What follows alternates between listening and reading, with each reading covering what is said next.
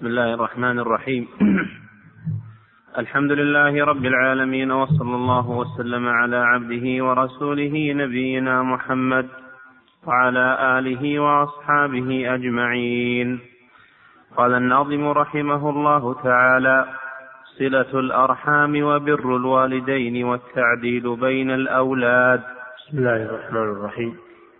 الحمد لله رب العالمين. صلى الله وسلم على نبينا محمد. قال رحمه الله في هذا الفصل بر الوالدين وصلة الأرحام والعدل بين الأولاد. هذه أمور جاءت بها الشريعة صلة الأرحام. والأرحام جمع رحم وهو كل من تجمعك به قرابة من جهة الأب أو من جهة الأم. هؤلاء هم ذوي الأرحام أي القرابة. والله تعالى أمر بصلة الأرحام وجعل لهم حقا. ضمن الحقوق العشرة اعبدوا الله ولا تشركوا به شيئا. وبالوالدين إحسانا وبذي القربى. الآية قضى ربك ألا تعبدوا إلا إياه وبالوالدين إحسانا. إلى قوله تعالى وآت ذا القربى حقه وفي الأحاديث الكثيرة الصحيحة عن رسول الله صلى الله عليه وسلم في الأمر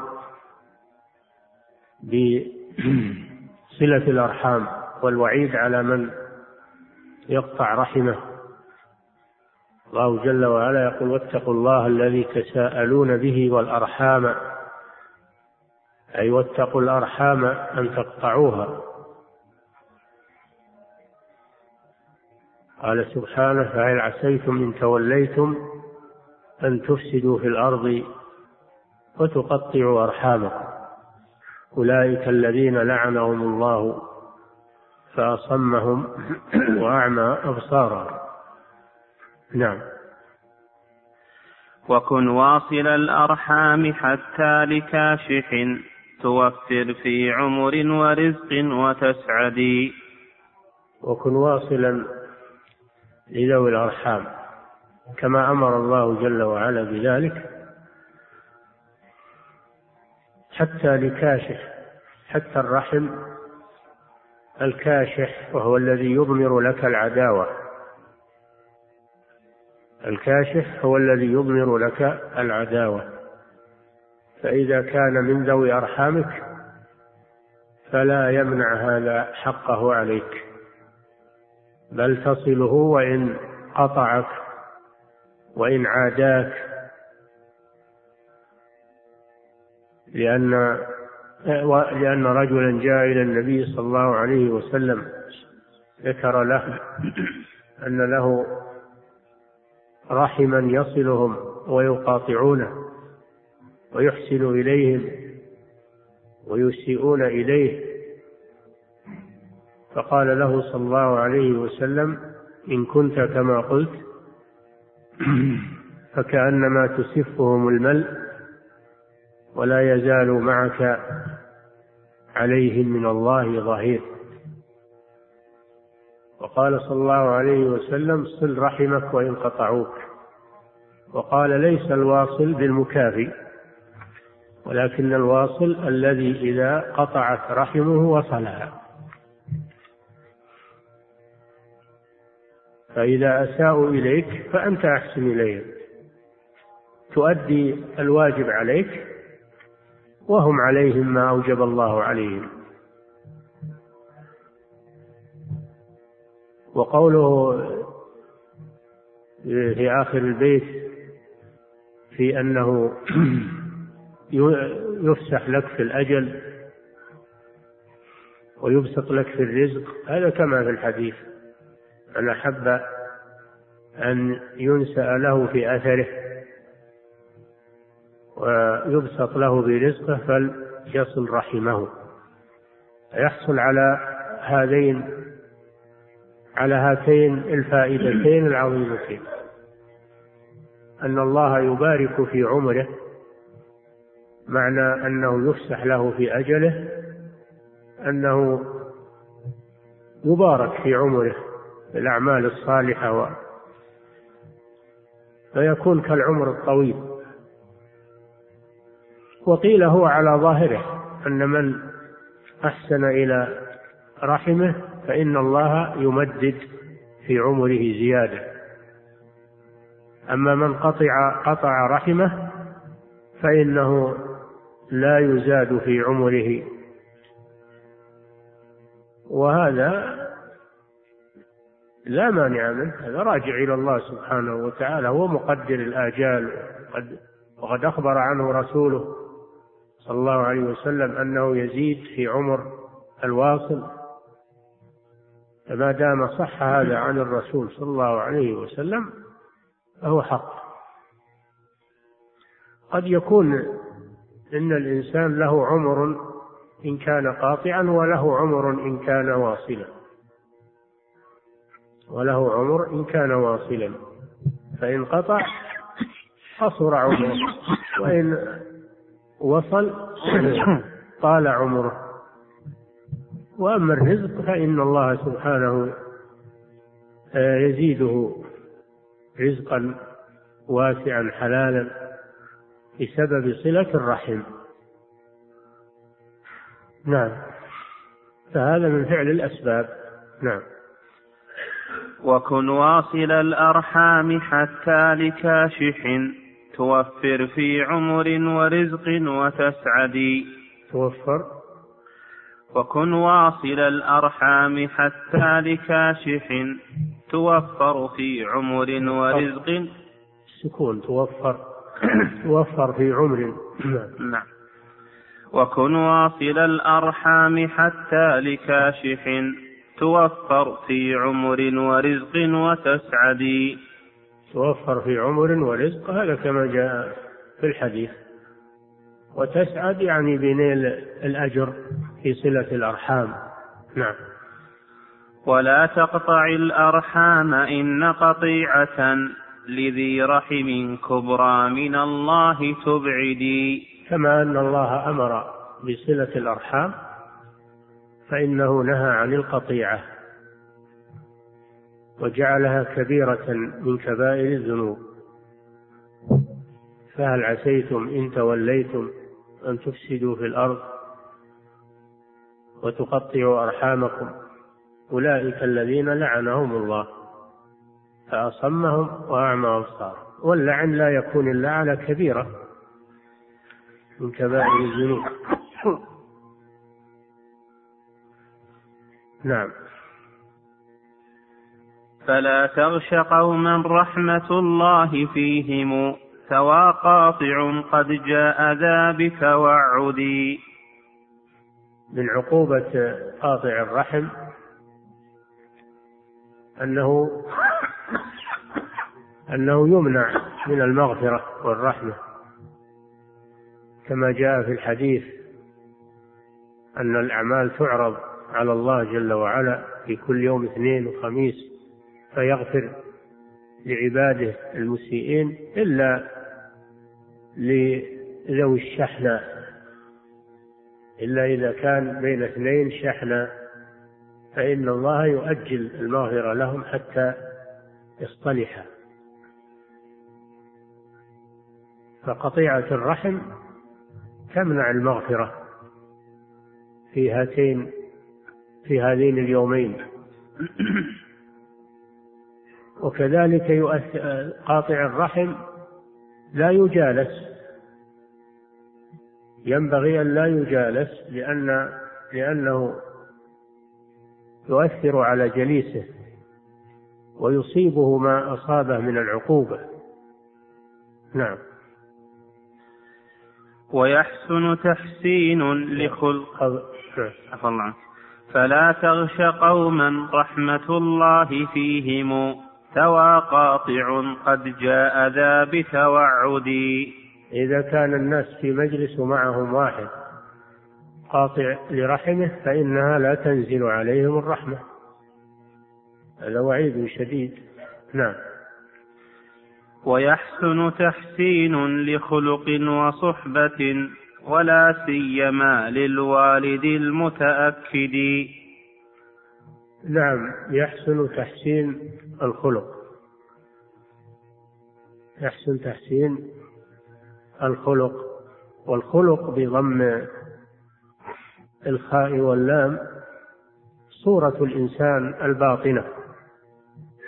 وأما الخلق بالسكون فهو صورته الظاهرة. ينبغي للإنسان أن يحسن خلقه. بأن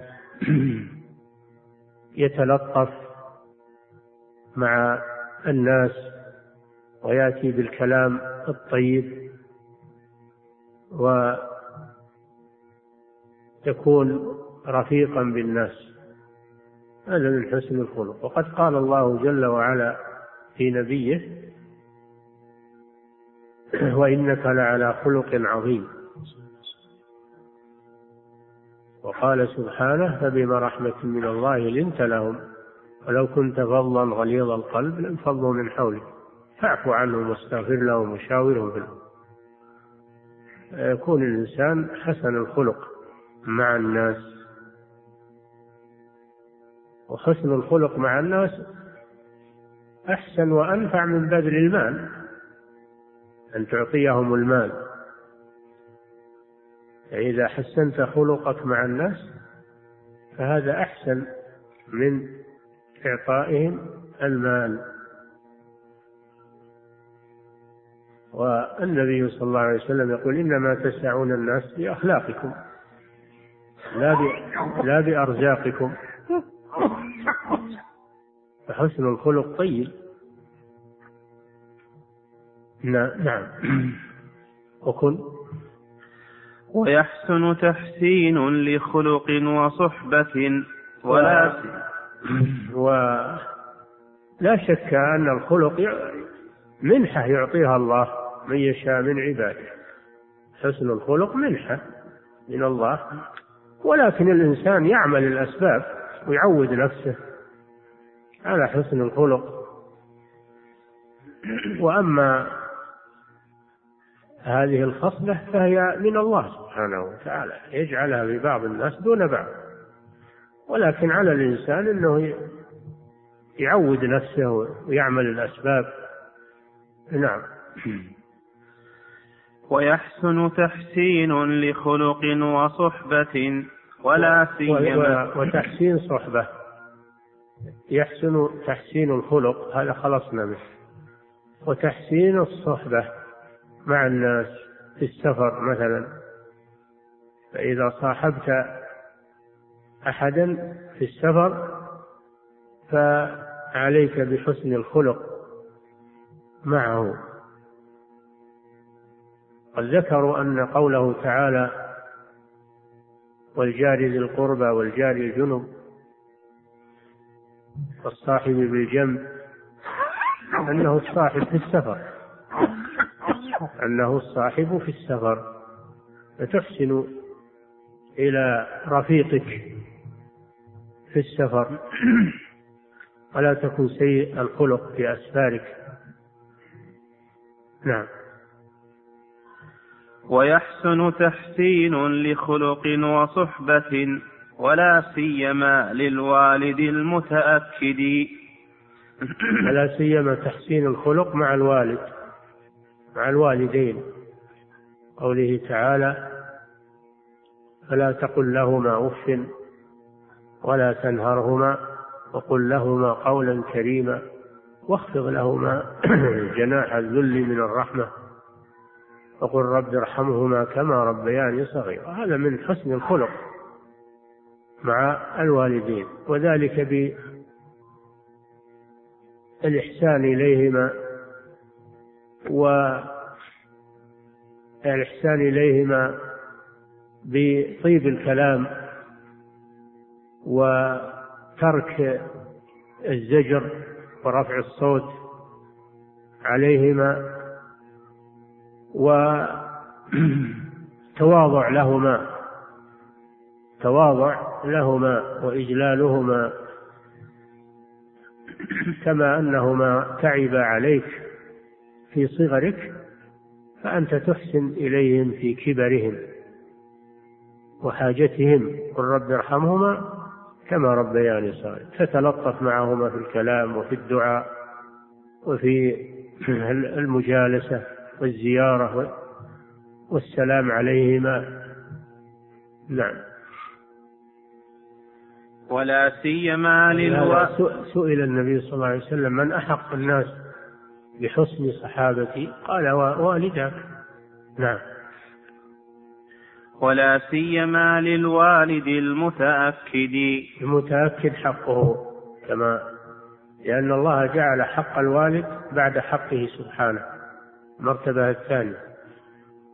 قضى ربك أن لا تعبدوا إلا إياه وبالوالدين إحسانا واعبدوا الله ولا تشركوا به شيئا وبالوالدين إحسانا. ترى دائما يأتي حق الوالدين بعد حق الله جل وعلا مما يدل على تأكد حقهما. نعم. ولا سيما للوالد المتأكد ولو كان ذا كفر. الوالد يشمل الوالد يشمل الوالدة ويشمل الأجداد يشمل الأجداد فإن الجد والد. نعم. ولو كان ذا كفر وأوجب طوعه سوى في حرام أو لأمر مؤكد. الوالد له حق للبر والإحسان ولو كان كافرا. ولو كان كافرا. فله الحق أن تكرمه وتحسن إليه. لكن لا تحبه. لا تحبه وإنما تحسن إليه ولو أنك لا تحبه. المحبة تابعة للإيمان. لا تجد قوما يؤمنون بالله واليوم الآخر يوادون من حاد الله ورسوله ولو كانوا آباءهم أو أبناءهم. وإبراهيم عليه السلام لما تبين له أن أباه عدو لله تبرأ منه. لكن لا يسقط حقهما بالإحسان إليهما. كما قال تعالى ووصينا الإنسان بوالديه حملته أمه وهنا على وهن وفصاله في عامين أن اشكر لي ولوالديك إلي المصير وإن جاهداك على أن تشرك بي ما ليس لك به علم فلا تطعهما وصاحبهما في الدنيا معروفا واتبع سبيل من أناب إلي.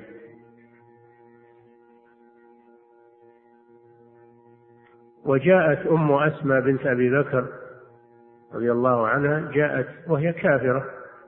جاءت إليها زائرة لها وتريد منها العطاء فسألت أسماء رسول الله صلى الله عليه وسلم أن أمها جاءتها وهي راغبة يعني راغبة في العطاء فقال لها صلى الله عليه وسلم صلي أمك صلي أمك. فالرسول صلى الله عليه وسلم أمرها أن تدخل أمها في بيتها وأن تصلها ولو كانت كافرة. بل إن الكافر الذي لم يحصل منه أذى للمسلمين وحصل منه إحسان مع المسلمين فإنه يكافأ يكافأ على إحسانه ولو كان كافرا. لأن الإسلام دين الوفاء. فمن وفى لنا فإننا نفي له ولو كان كافرا لا ينهاكم الله عن الذين لم يقاتلوكم في الدين ولم يخرجوكم من دياركم أن تبروهم وتقسطوا إليهم. إن الله يحب المقسطين. والقسط هو العدل. إنما ينهاكم الله عن الذين قاتلوكم في الدين. وأخرجوكم من دياركم وظاهروا على إخراجكم. أن تولوهم ومن يتولهم فأولئك هم الظالمون. فالإحسان يقابل بالإحسان. هل جزاء الإحسان؟ إلا الإحسان. وليس ذلك من قبيل المودة للكفار بل هو من قبيل المكافأة ورد الجميل. رد الجميل. لمن أحسن. وأما مسألة الموالاة هذه لا تجوز إلا لأهل الإيمان وهي المحبة والمناصرة لأهل الإيمان خاص. والبر بالكافر إذا كان محسنا إلى المسلم هذا إنما هو عمل دنيوي. هذا عمل دنيوي. وكذلك البر بالوالد الكافر هذا عمل دنيوي من باب المقابلة والمكافأة. نعم. ولو كان ذا كفر وأوجب طوعه سوى في حرام أو لأمر مؤكد. سوى سوى الحرام. فلا تطع والدك في الحرام. وإن جاهداك على أن تشرك بي ما ليس لك به علم فلا تطعه.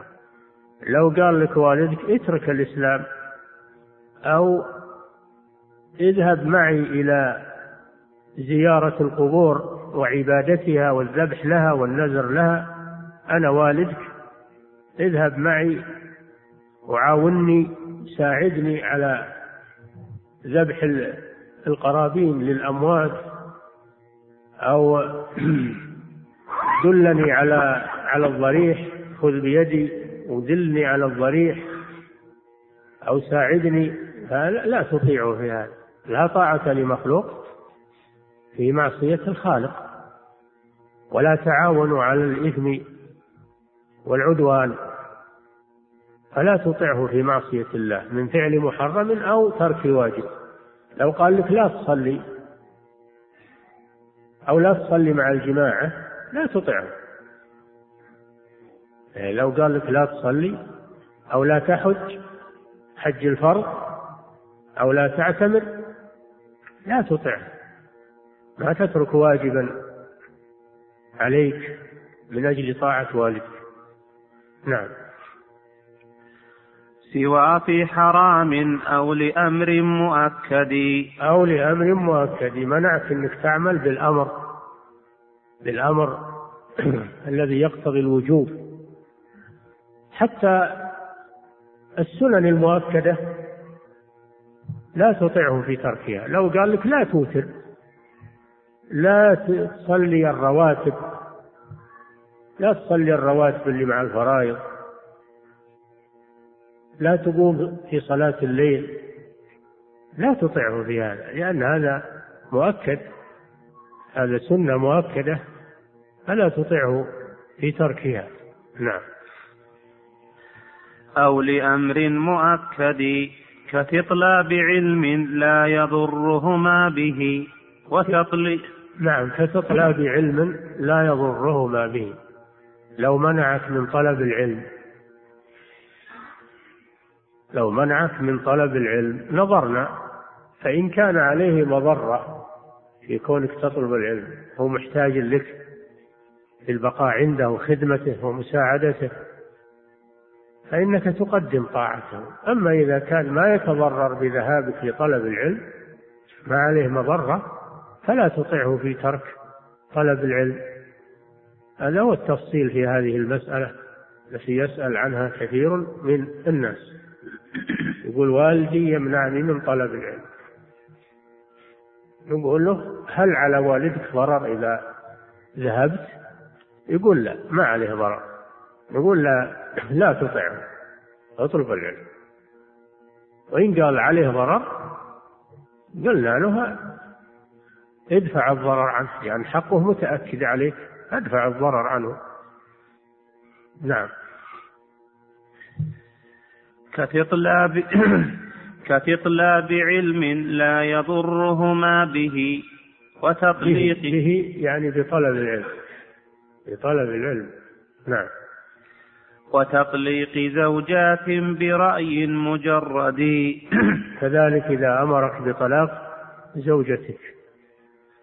بدون مسوغ شرعي.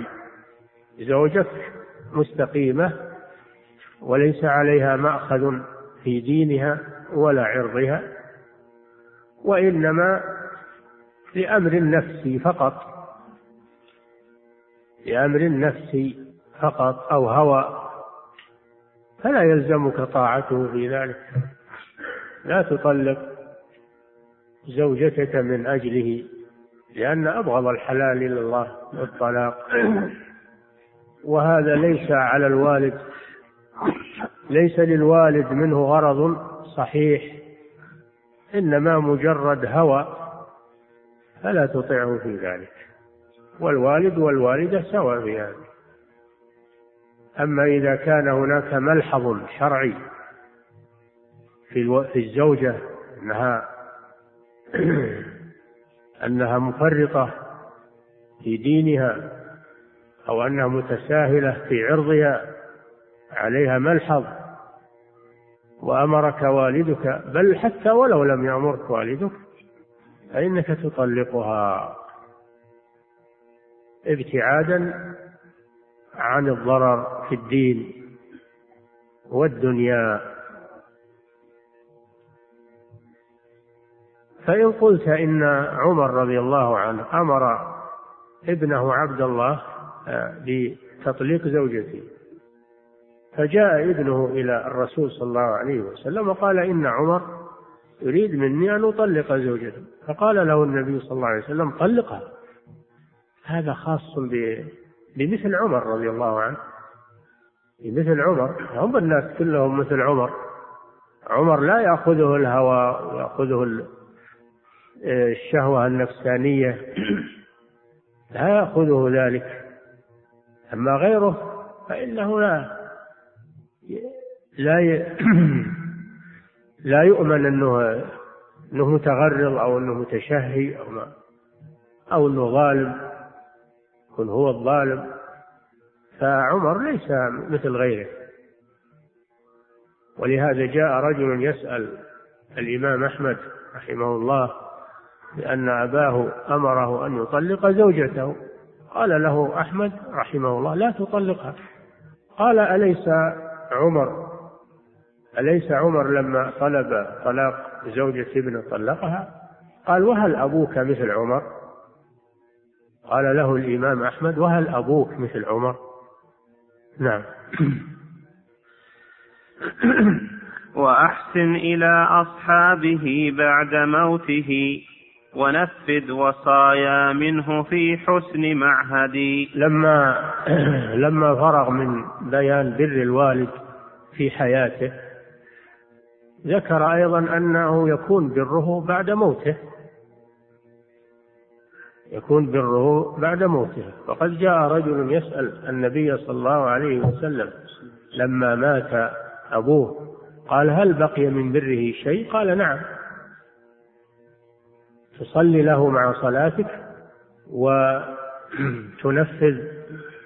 آه، وصاياه وتحسن إلى إلى أصحابه فيبقى من بر وكذلك الدعاء له والاستغفار له هذا من البر بعد موت. أو ولد صالح يدعو له ربنا اغفر لنا رب اغفر لي ولوالدي. يبقى من بر الوالد بعد موته أولا الدعاء له. صل له مع صلاتك يعني تدعو له. مع دعائك لأن, لأن الصلاة يراد بها الدعاء فتدعو له مع نفسك هذه واحدة ثانية تنفذ وصاياه التي التي تمشي تتمشى مع الشرع. أما الوصايا الباطلة والجائرة فلا. أما إذا كانت وصيته شرعية تنفذها هذا من البر به. إذا كان عليه ديون تقضيها هذا من البر به. إذا كان له أصحاب يودهم ويودونه فإنك أيضا تحسن إليهم وتصلهم برا بوالدك. هذا يبقى من بر الوالد بعد موته. نعم. وأحسن إلى أصحابه بعد موته. ونفذ وصايا منه في حسن معهد ونفذ وصاياه في حسن معهد يعني في حسن في الموافقة للشرع. الوصايا الموافقة للشرع التي ليس فيها ليس فيها جور ليس فيها جور ولا جنف وليست وصايا تتضمن معصية كأن يوصي للقبور والأضرحة أو يوصي لأهل أهل الفساد وأهل الفسق يوصي لهم أو في مشاريع محرمة فلا تنفذ وصيته. لمشاريع محرمة لا تنفذ وصيته. أما إذا كانت وصيته في أمور نافعة وأمور مشروعة فيجب تنفيذها. يجب أن تنفذ. نعم. وأكرمه باستغفارك إن كنت باررا. وهذا أيضا من مما يبقى من بره أن تستغفر له وتدعو له مع نفسك. نعم. وأكرمه باستغفارك إن كنت باررا فهذا بقايا بره المتعود. نعم يعني إن هذا مما يبقى من بر الوالد بعد وفاته هذه الأمور. نعم. وواجب التعديل بين بنيه في العطية كالميراث من كل محتدي لما انتهى من حقوق الوالدين انتقل إلى حق الأولاد. انتقل إلى حق الأولاد. الأولاد لهم حق على والدهم بأن يربيهم على الخير ويعلمهم دينهم وما ينفعهم وأن يبعدهم عن الشر وقرناء السوء حتى يكبروا ويعرفوا مصالح أنفسهم. فتربية الأولاد هذا من حقوق الأولاد على على والدهم. قال صلى الله عليه وسلم مروا أولادكم بالصلاة بسبع اضربوهم عليها لعشر وفرقوا بينهم في المضاجع. هذه تربية. كذلك تعليمه القرآن والسنة. والعلم النافع هذا من حق الولد عليك ونهي عن المحرمات وعن قرناء السوء وعن فعل المحرم حتى ولو كان هو ما هو مكلف ولا يأثم لو كان إنه ما يأثم على فعل المخالفة لأنه ما هو مكلف لكن تربيه على ذلك. تربية باب التربية. وكذلك من حق الأولاد العدل بينهم في العطية. عدل بينهم في العطية لئلا تعطي بعضهم تحرم بعضهم فتعدل بينهم. لأن تعطي الذكر مثل حظ الأنثيين.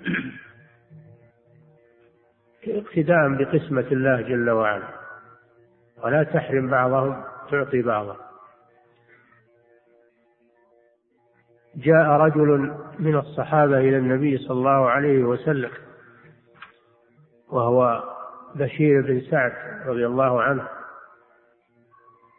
ليشهد الرسول صلى الله عليه وسلم على عطية أعطاها لابنه النعمان بن بشير وهو عبد أعطاه إياه. فجاء ليشهد النبي صلى الله عليه وسلم. فقال أكل ولدك أعطيت مثل هذا؟ قال لا. قال أشهد على هذا غيري فإني لا أشهد على جرم. وقال صلى الله عليه وسلم اتقوا الله واعدلوا بين أولادكم. وقال أيسرك أن يكونوا في البر لك سواء؟ قال نعم. قال فلا إذن. لا تعطي بعضهم وتحرم الآخرين. نعم. وواجب التعديل بين بنيه في العطية كالميراث من كل محتدي كالميراث يكون العدل كالميراث للذكر مثل حظ الأنثيين لأن هذه قسمة الله جل وعلا وهي عين العدل. نعم. وأم مع الأولاد مثل أبيهم. عليها احتم التعديل في القسم ترشدي. يجب على الأم أن تعدل في العطية بين أولادها مثل ما يجب على الأب. الحديث وارد في الأب لكن الأم تدخل أيضا لأنها والد ولأن المعنى الموجود في الأب موجود فيها. فلا تعطي بعض أولادها وتحرم الآخرين أو تعطي الذكور تحرم الإناث أو تعطي الإناث تحرم الذكور لا. تعدل بينهم كالوالد. نعم. وما الأب في تخصيص؟ نعم. عفى الله عنك. وأم مع الأولاد مثل أبيهم. عليها احتم التعديل في القسم ترشدي. عليها التعديل بالعطية وعليها التربية أيضا. الأم عليها قسط من تربية الأولاد وليس المراد تربية أجسامهم. هذا نعم هذا لا بد منه. لا بد من تربية أجسامهم بالطعام والشراب لكن الأهم من ذلك تربيتهم التربية الدينية. فعلى الأم أيضا قسط من تربية الأولاد. بل إنها تبقى معهم في البيت والوالد يخرج ويذهب يسافر فتكون هي الخليفة بعد أبيهم. الأم عليها مدار عظيم في تربية الأولاد. ولهذا يقول الشاعر والأم مدرسة إذا أعددتها أعددت شعبا طيب الأعراق. فالأم لها دور. في تربية الأولاد. ولكن ماذا نقول في هذا الزمان الذي صارت النساء تخرج للأعمال والوظائف والدراسة تترك الأولاد بدون مربي أو تتركهم إلى مرب أجنبي بل قد يكون مربيا كافرا. هذا من الانتكاس الحقيقة. فالأم طرحت المسؤولية التي أوجبها الله عليها وخرجت تركت أولادها. هذا ترك لواجب عظيم. نعم.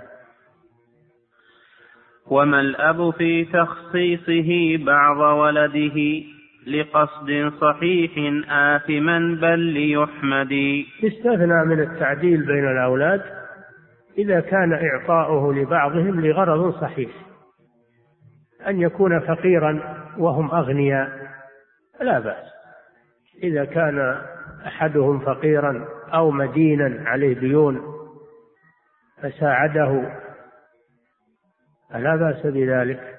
أو كان ذا عاهة مقعد أو أعمى ولا يستطيع الكسب فلا بأس أن يخصه.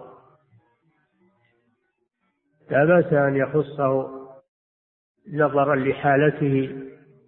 ففي هذه الحالة لا بأس أن يعطي بعض أولاده المستحقين للمساعدة ولا يلزمه أن يعطي الآخرين الذين ليسوا مستحقين.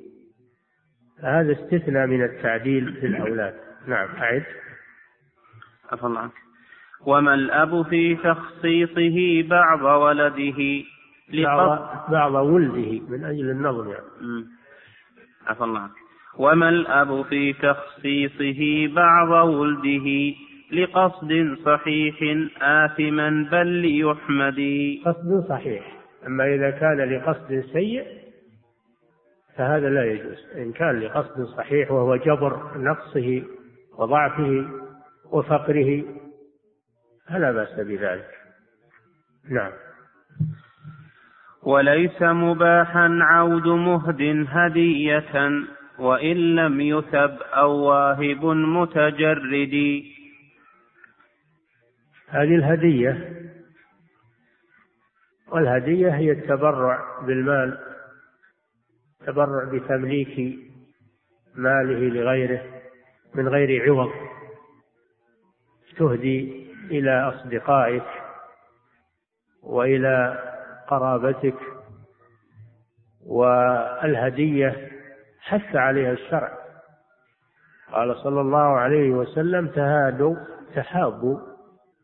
وقال إن الهدية تسل السخيمة يعني البغضاء. فالتهادي بين الإخوان مستحب. يستحب ذلك. والهدية على قسمين. هدية تبرع وهدية ثواب. هدية الثواب التي ترجو أن المهدى إليك يرد عليك بدلها. مثل الذي يهدي للتاجر أو يهدي للسلطان.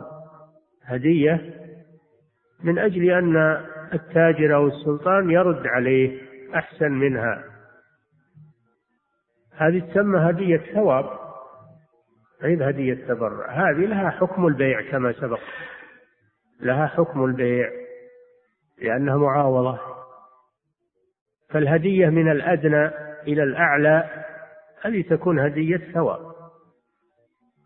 أما الهدية من المساوي أو من أو لمن هو دونه هذه هدية تبرع وهي مرغب فيها لما فيها من المصالح. ويحرم على المهدي الرجوع في في هديته وهبته إذا قبضها المهدى إليه. المهدى إليه إذا قبض الهدية يحرم على المهدي أن يرجع فيها. قوله صلى الله عليه وسلم العائد في هبته كالكلب. يقيء ثم يعود في قيئه. هذا يدل على تحريم الرجوع في الهدية بعدما يقبضها المهدى إليه. أما قبل قبضها فلا مانع أنك ترجع. قبل القبض لا مانع أنك ترجع. لو قلت بهدي لفلان هذا البشت أو هذا الثوب. ثم تراجعت فلا بأس. أما إذا أهديته له وسلمته له فيحرم عليك أنك ترجع العائد في هبته كالكلب يقيء ثم يعيد يعود في قيئه. نعم. وإن لم يثب وإن لم يثب يعني إذا كان قصده الثواب ولكن ما أعطي شيئا وقبضها المهدى إليه حينئذ لأن الحديث عام. حديث عام في هبة التبرع وهبة الثواب. لا يجوز الرجوع فيها سواء كانت هدية تبرع أو هدية ثواب لا يجوز الرجوع فيها للحديث. نعم. وإن لم يثب أو واهب متجرد. أي نعم متجرد من العوض. نعم. وليس مباحا عود مهد هدية. وإن لم يثب أو واهب متجرد. نعم. سوى الأب في الأولى وجد بأبعد وأم بوجه خرجوه مجودي يستثنى من تحريم الرجوع في الهبة يستثنى الوالد. الوالد إذا وهب لولده هبة فله أن يرجع فيها ولو قبضها الولد. بل للوالد أن يأخذ من مال ولده. قوله صلى الله عليه وسلم أنت ومالك لأبيك. أنت ومالك لأبيك. وقال عليه الصلاة والسلام إن أولادكم من كسبكم. إن أطيب ما أكلتم من كسبكم وإن أولادكم من كسبكم. فالوالد له أن يرجع في الهبة لولده ولو قبضها. الولد. لأن له أن يأخذ من ماله ما لا يضره ولا يحتاجه وكذلك الهبة ولأن بشير رضي الله عنه رجع في الهبة إلى ولده النعمان بقصد التعديل. فللوالد أن يرجع يسحب الهدية. إذا أعطى بعض ولده له أن يرجع ويسحبها لئلا يخص بعض أولاده بشيء وله أن يسحبها مطلقة ولو لم يقصد التعديل. نعم. سوى وكذلك الأم تقاس الأم على الوالد في أن لها الرجوع. الهبة الحديث ورد في, في الأب. تقاس عليه الأم بجامع الولادة كل منهما والد وهذا وجه في المذهب. نعم. سوى الأب في الأولى وجد بأبعد. والجد مثل الآب القول الأبعد. يعني القول الصحيح أن الأب أن الجد ليس مثل الأب. وهناك قول ضعيف أنه مثله في الرجوع في الهبة. نعم.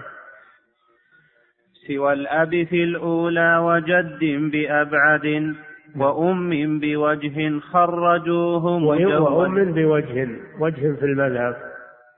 خرجوه على أن أنه إذا كان للأب أن يرجع فالأم مثله. نعم. سوى الأب في الأولى وجد بأبعد وأم بوجه خرجوه مجودي نعم. النهي عن التنجيم والسحر والتعزيم.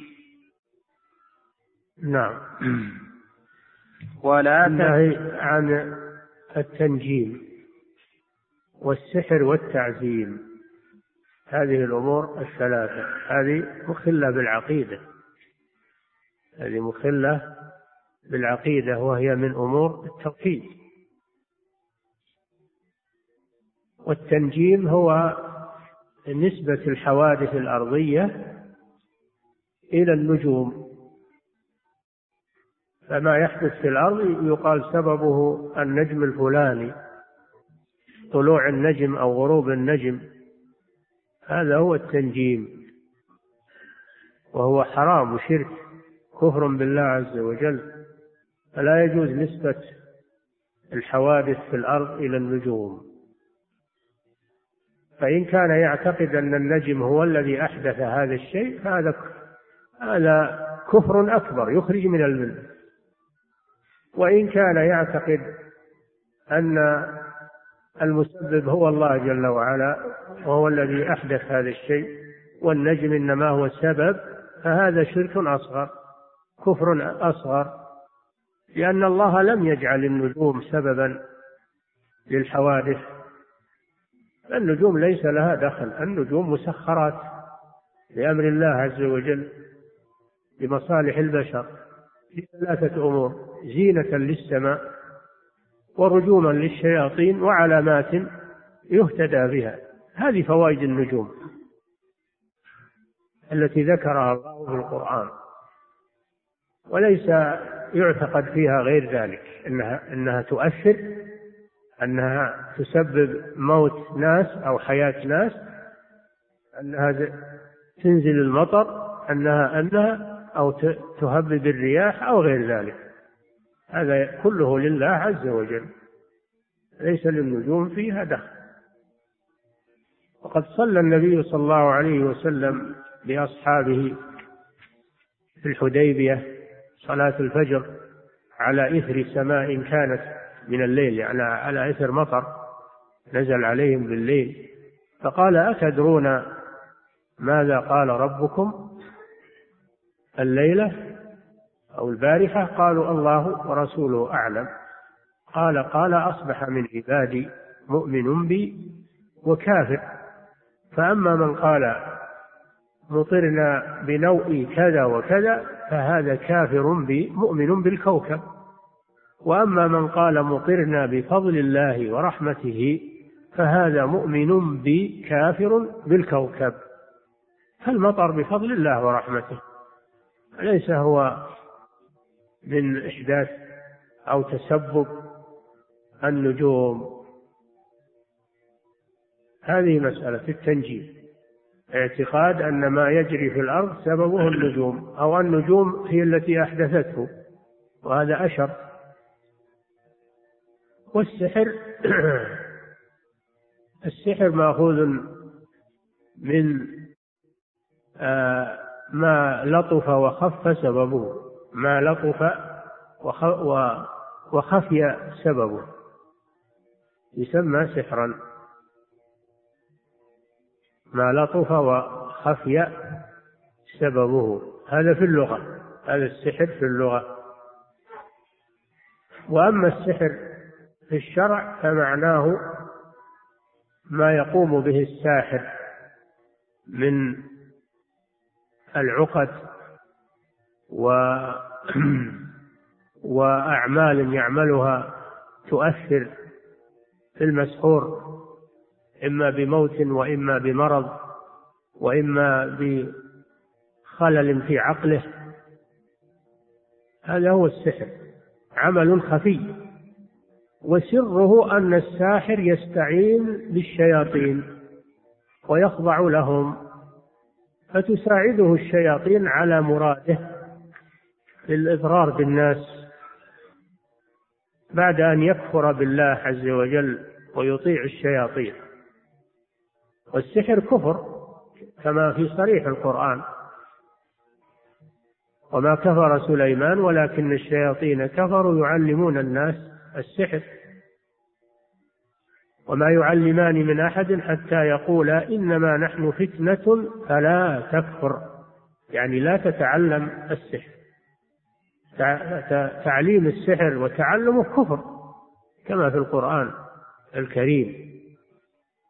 وهو آفة من آفات المجتمعات. السحرة فساد في الأرض وفساد في المجتمعات. يجب القضاء عليهم. يجب قتل الساحر. إذا ثبت سحره ببينة أو باعتراف فإنه يجب قتله.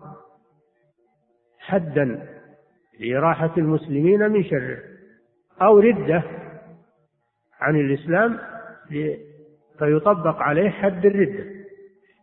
حد الردة لأنه كفر بالله عز وجل والسحر من من نواقض الإسلام.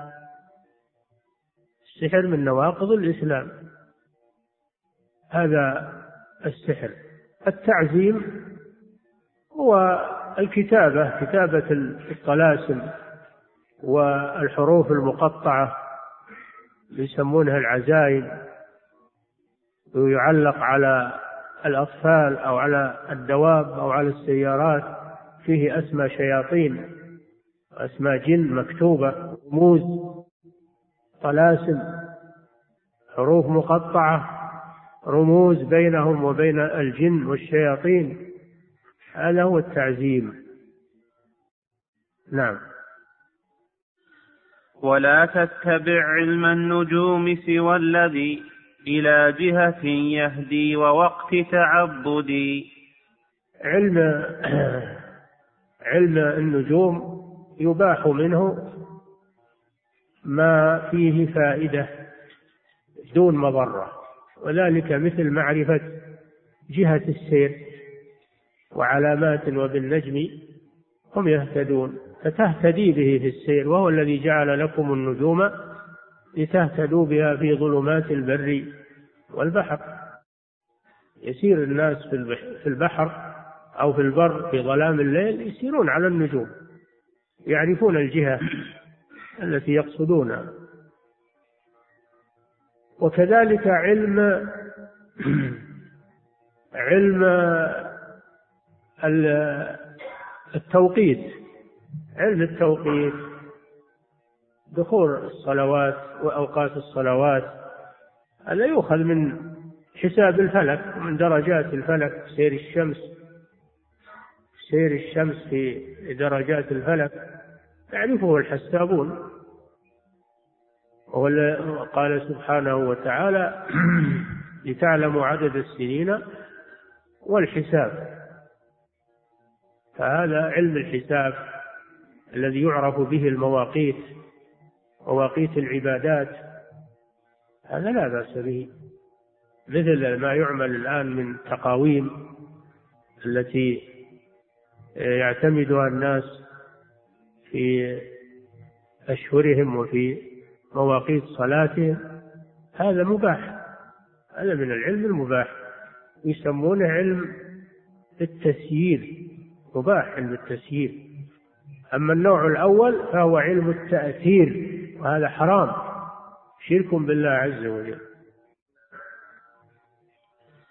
ولا تتبع علم النجوم سوى الذي إلى جهة يهدي ووقت تعبدي. إلى جهة يهدي يهدي المسافر إلى الجهة التي يريدها ويهدي أيضا إلى القبلة إلى معرفة القبلة في الصلاة.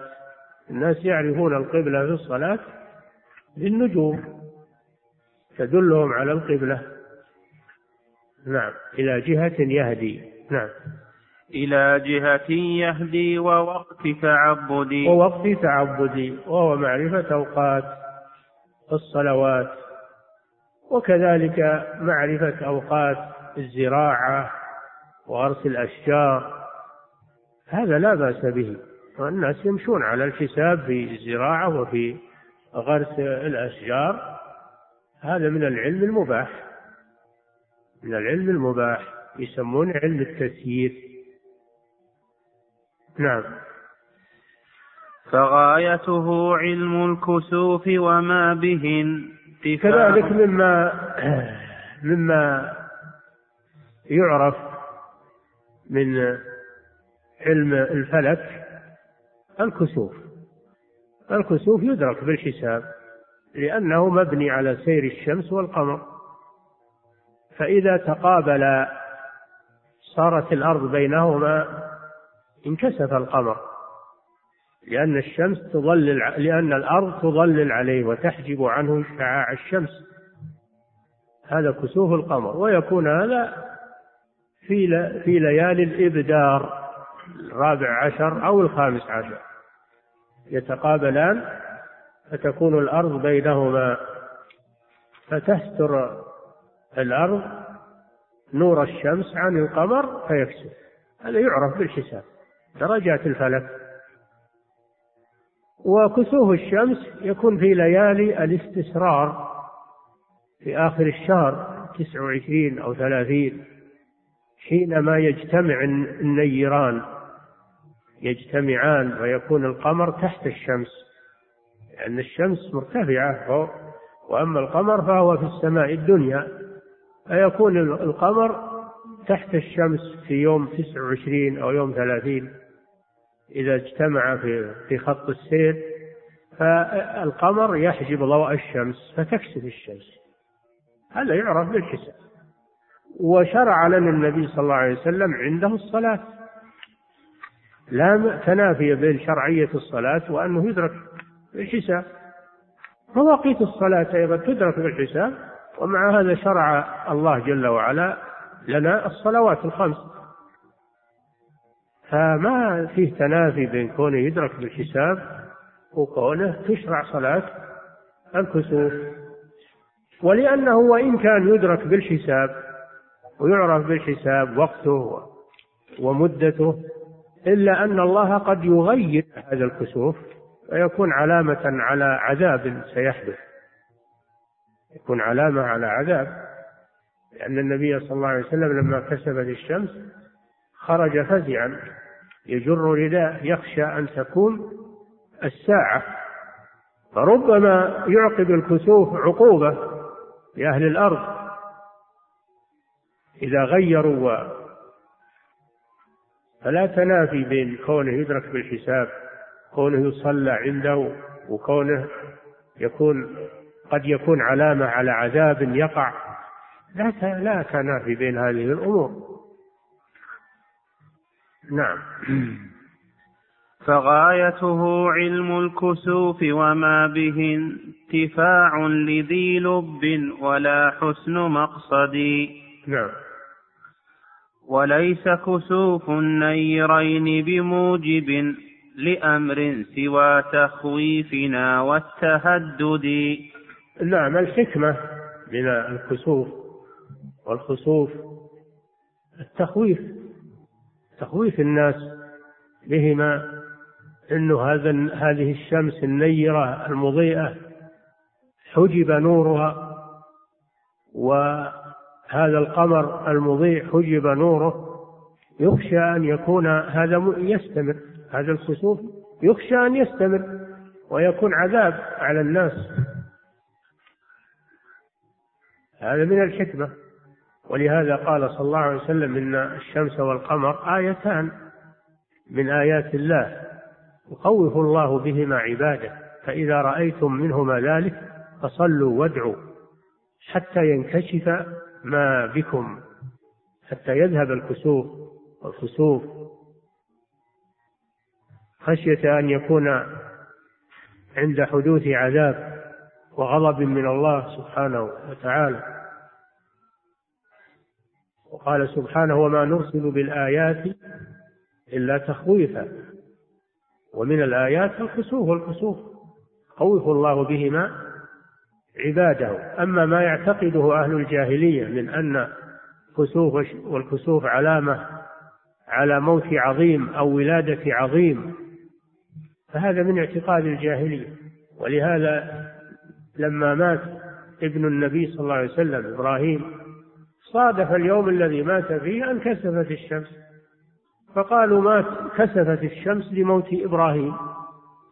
فقال صلى الله عليه وسلم إن الشمس والقمر آيتان من آيات الله لا ينكسفان لموت أحد ولا لحياته. فإذا رأيتم منهما ذلك فصلوا وادعوا حتى ينكشف ما بكم. هذا من اعتقاد الجاهلية. أن أن أن الشمس والقمر إذا حصل لهما كسوف أو خسوف سيموت عظيم أو يولد عظيم.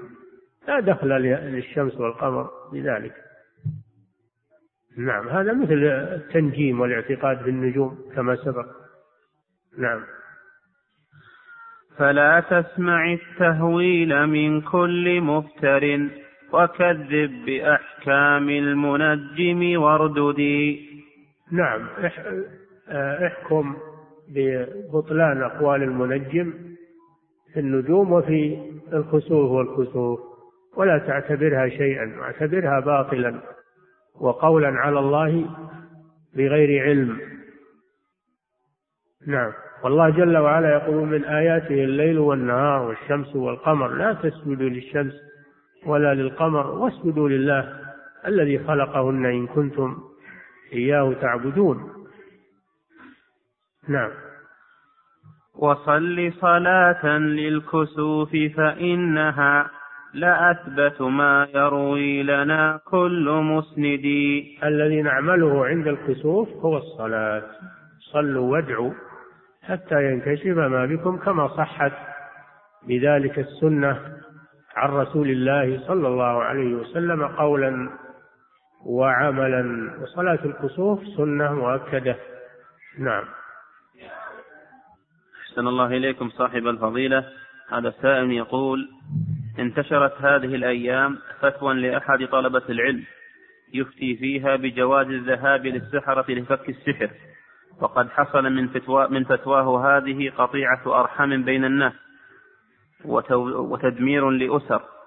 فما توجيهكم؟ وهل الذهاب إلى الساحر كفر مخرج من الملة أم فيه تفصيل؟ هذا سيأتي إن شاء الله في آخر هذا الباب. يعني بعد يمكن ثلاث أبيات أو أقل. الدرس القادم إن شاء الله.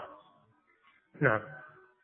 أحسن الله إليكم صاحب الفضيلة. هذا السائل يقول ما حكم الذين يرون المنجمين على شاشات التلفاز والقنوات الفضائية؟ سواء صدقوا المنجم أو لم يصدقوه. لا يجوز لهم هذا منكر. هذا منكر ولا يجوز لهم النظر إليه لأن هذا من المنكر. وربما أنه يعلق بأذهانهم أو يؤثر عليهم ولا سيما العوام. عليهم خطر عظيم من هذه القنوات. التي تجلب الشر والفساد في العقيدة وفي الأخلاق وفي وفي المعاملات فلا خير فيها. فالمسلم يبعدها عن بيته يبعدها عن بيته لا يهدم بيته ويفسد عقيدته وأولاده وأهل بيته. نعم. أحسن الله إليكم صاحب الفضيلة. وهذا السائل يقول لدي أعمام وعمات من الرضاعة فهل أقول لهم يا عم ويا عمة وهل تجب صلتهم؟ أما أنك تقول له يا عمة ويا عمة لا بأس لأنه عمك من الرضاع أو عمتك من الرضاع. أما الصلة فلا تجب لأنهم ليسوا ليسوا ذوي أرحام فليس لهم صلة صلة الأرحام؟ وإنما إذا أردت أن تحسن إليهم فلا بأس. تحسن إليهم النبي صلى الله عليه وسلم لما جاءت المرأة التي أرضعته قام لها وأجلسها على فراشه تكريما لها. ولما جاءت أخته من الرضاع أيضا قام لها وأكرمها. هذا من حسن الخلق وحسن المعاملة. أما الصلة إنما تجب لذوي الأرحام. نعم. أحسن الله إليكم صاحب الفضيلة. هذا سائل يقول ما الحكم في من لا يأتي إلى زوجة جده مطلقا ولا يزورها ولا يصلها زوجة جده من المحرمات عليه المحرمات عليه ولها حق لها حق لأنها زوجة لجده وجده له عليه حق فلزوجته حق أيضا. نعم. أحسن الله إليكم صاحب الفضيلة. هذا السائل يقول ما حكم الإقسام على الله من قبل المسلم العادي؟ وهل تجب عليه الكفارة إذا لم يحقق الله سبحانه ما أقسم به عليه؟ نعم. يقول سلمك الله ما حكم الإقسام على الله جل وعلا من قبل المسلم العادي؟ العادي؟ إي نعم. وهل تجب الكفارة إذا لم يحقق الله سبحانه ما أقسم به عليه؟ أما الإقسام على الله من باب حسن الظن بالله فلا بأس به من المسلم لا بأس به من المسلم. وأما أنه تجب عليه الكفارة فلا أعلم أحدا قال بذلك. لا أعلم أن أحد قال إذا أقسم على الله ولم يحصل المقصود أنه يكفر عن يمينه. نعم. أحسن الله إليكم صاحب الفضيلة. هذا السائل يقول إذا كان والدي مسلمين وأردت الحج لأول مرة فأبيا فهل أطيعهم أم أعصيهم؟ علما بأن في ذهابي ليس فيه ضرر عليهم. إذا كان ما في ضرر عليهم ولا يحتاجان إلى بقائك عندهما وأنت لم تحج حجة الإسلام فيجب عليك الحج. لو قال لك لا تصلي لا تطيعه. كذلك الحج فريضة. ركن من أركان الإسلام لكن عليك بإقناعهما. ما تولي وتتركهم تقنعهما وتبين لهم وأن لهم أجر إذا سمحا لك يعني ساعداك. يكون فيه تفاهم ويكون فيه إقناع. تقول ما علي منهم وتمشي. ربما يغضبان عليك لأنك ما أحسنت التفاهم معهما. نعم. أحسن الله إليكم صاحب الفضيلة هذا السائل يقول لو أراد الإبن الدخول في سلك هيئات الأمر بالمعروف والنهي عن المنكر ثم أبى عليه أبوه خوفا عليه فهل تجب طاعته في هذه الحالة أم لا؟ نعم إذا لم يتعين عليه إذا كان فيه من هو قائم بهذه الفريضة فلا يتعين عليه ذلك لا بد من رضا والده أما إذا لم يقم بها أحد وعنده أهلية للقيام بها هذا يكون فرض عين. لا ليس له ما منعه. نعم. عفى الله عنكم صاحب الفضيلة. هذا السائل يقول قلتم سلمكم الله إن الإسلام دين الوفاء فمثلا أحد من الكفار أحسن إلي فهل أوفي له وأحسن إليه بذلك؟ نعم هذا هو ما قلنا. إذا أحسن إليك فأحسن إليه رد عليه مكافأته. نعم. أحسن الله إليكم صاحب الفضيلة. هذه سائلة تقول امرأة إذا أصابها الملل والسآمة في المنزل. امرأة إذا أصابها الملل والسآمة في المنزل. نعم. قالت لزوجها مللت من المكث في البيت. أخرج بي حتى أروح عن نفسي. فهل قولها هذا مخالف لقوله تعالى؟ وقرن في بيوتكن؟ لا. إذا خرجت متسترة ومع زوجها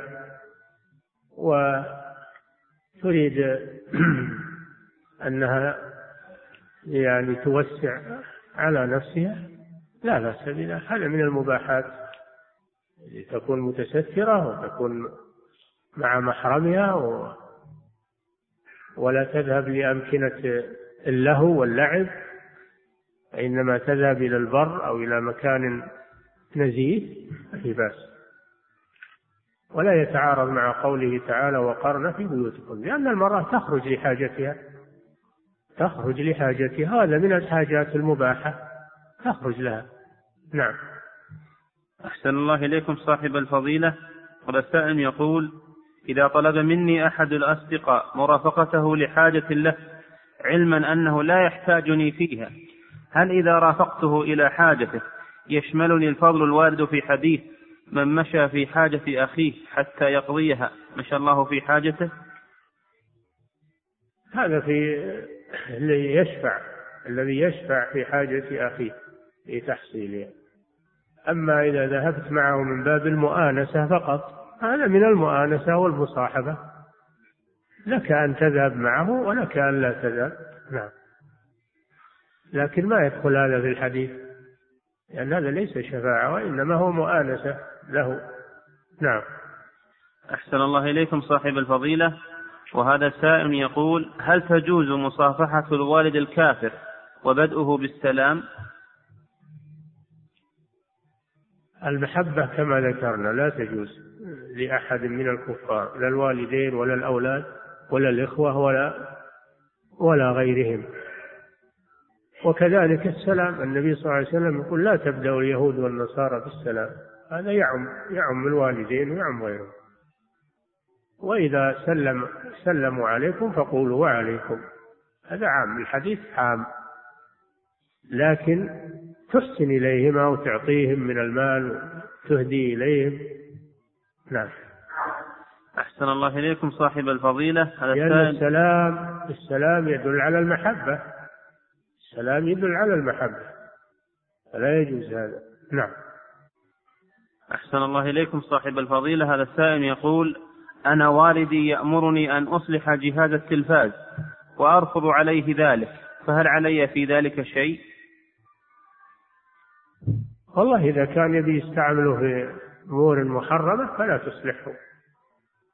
يستعمله في أمور محرمة فلا تصلحه لأن هذا من التعاون على على الإثم والعدوان. هذا الذي نراه لك. إذا كان أنه بيستخدم الجهاز للاطلاع على القنوات الفضائية وما فيها من شر وما فيها من فساد فلا يجوز لك أن تساعده ولا أن تصلحه. نعم. أحسن الله إليكم صاحب الفضيلة. هذا السائل يقول ما هي الطريقة في الاستغفار للوالدين بعد موتهم؟ الله رب اغفر لي ولوالدي كما في القرآن رب اغفر لي ولوالدي. تستغفر لهما معك تدعو لهما معك. نعم. أحسن الله إليكم صاحب الفضيلة. هذا السائل يقول بعض المصلين يقول في الجلسة فيما بين السجدتين رب اغفر لي ولوالدي فهل يجوز هذا أم ينكر عليه؟ لا طيب. هذا تصلي لهما مع صلاتك تدعو لهم مع دعوتك. في الصلاة وفي غيرها. من اللي خصص الفريضة أنه ما يدعى للوالدين؟ ما ما خصصها أحد من أهل العلم. إنما هذا عند العوام فقط. نعم. أحسن الله إليكم صاحب الفضيلة. هذا السائل يقول هل يستثنى من التعديل بين الأولاد إذا كان الابن عند أبيه يخدمه في بيته وبقية الأبناء ليسوا عنده؟ فيعطي من يخدمه ويخدم أخواته ويحرم الباقين؟ لا ما يستثنى هذا. داخل في النهي. داخل في النهي. إنما يستثنى إذا كان الإبن محتاجا أو عليه ديون أو مريض. لا يستطيع الكسب. يعطيه دون إخوته نظرا لحاجته. أما إنه عنده في البيت هذا بر. هذا بر منه بوالديه واجب عليه هذا واجب عليه. لكن لو أراد الولد أنه يروح ولا يبقى عنده وهو يريد منه أنه يخدمه ويقوم بإعانته على تجارته أو على يجري له راتبا مثل ما يجري لغيره يعتبره أجيرا. لا بأس أن يعتبره أجيرا في مقابل عمله. نعم. أحسن الله إليكم صاحب الفضيلة. هذا السائل يقول إذا أهديت أبي ساعة ثمينة ثم بعد وفاته أخذتها بعد إذن الورثة. إذا؟ إذا أهديت أبي ساعة ثمينة ثم بعد وفاته أخذتها بعد إذن الورثة لأتصدق بها عن أبي بأن أبيعها وأعطي ثمنها للورثة. فهل يكون هذا من الرجوع في الهدية؟ نعم أنك ما تأخذها ولا لا تأخذها. ولا بأس أنك ترث من, من ثمنها مثل ما يرث غيرك. الميراث لا بأس أما أنك تأخذها تسحبها هذا من الرجوع في الهدية. نعم. أحسن الله إليكم صاحب الفضيلة. هذا السائل يقول لي أقارب وهم أعمام وأخوال لا أزورهم وذلك لوجود مخالفات عندهم منها وجود القنوات الفضائية في بيوتهم. ولا يستمعون لنصح ناصح لو طلب منهم البعد عنها. وبعضهم يدخن وأنا أتضرر بهذا. والسبب الأهم أن زوجاتهم يخرجن إلي كاشفات الوجوه وقد يصافحنني وهذه عادة عندهم. فهل يجوز لي والحالة هذه البعد عنهم؟ نعم. هذه منكرات. هذه منكرات فظيعة. فلا تذهب إليهم حتى يتوبوا إلى الله عز وجل ويتركوها. ولكن لا مانع أنك تكلمهم بالتلفون أو تكتب لهم رسالة. أما أنك تذهب إليهم وتجلس معهم هذا لا يجوز. وإن قدر أنك ذهبت إليهم سلم عليهم وتنصرف. ما ما تجلس معهم. سلم عليهم وتنصرف. ولا تجلس معهم. نعم. أحسن الله إليكم صاحب الفضيلة. هذا السائل يقول من الناس من يقول إنه في النجم الفلاني تأتي الأمطار وينبت الربيع ولا يقول ذلك عن اعتقاد ولكن من باب إضافة ذلك إلى الفصول التي تأتي بها الأمطار. فهل هذا شرك؟ العلماء فرقوا بين قوله مطرنا بنوء كذا أو مطرنا في في نوء كذا. في نوء كذا جائز أما بي الباء سببية لا يجوز. الباء سببية وأما الفاء فهي ظرفية. يجوز أن تقول مطرنا في يعني في وقت كذا وكذا. يجوز أنك تقول مطرنا في الصيف مطرنا في الشتاء مطرنا في الربيع ما في مانع. أما أنك تقول بالربيع أو بالنجم هذا باء سببية لا يجوز هذا. والله تعالى أعلم وصلى الله وسلم على نبينا محمد وعلى آله وصحبه.